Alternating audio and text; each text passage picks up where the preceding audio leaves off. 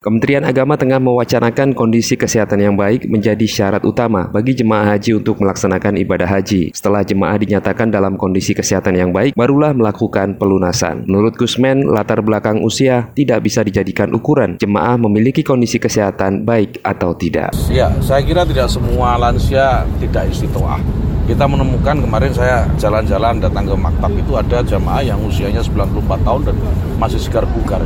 Artinya lansia tidak bisa dijadikan ukuran dia ini secara kesehatan memenuhi keistiqoahan atau tidak. Nah, memang kesehatan menjadi satu aspek yang penting.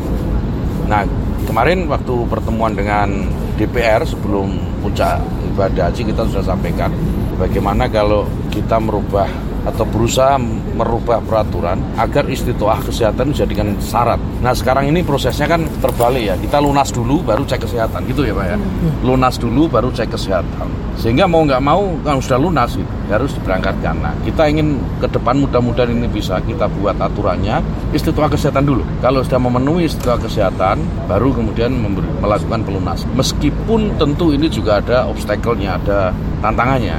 Ada tantangan yang tidak mudah waktunya juga pasti akan diperlukan lebih panjang. Tapi kita akan terus berikhtiar agar pelayanan kepada jamaah ini menjadi terus menjadi baik gitu ya dan tentu jamaah menjadi lebih nyaman. Saya kira itu.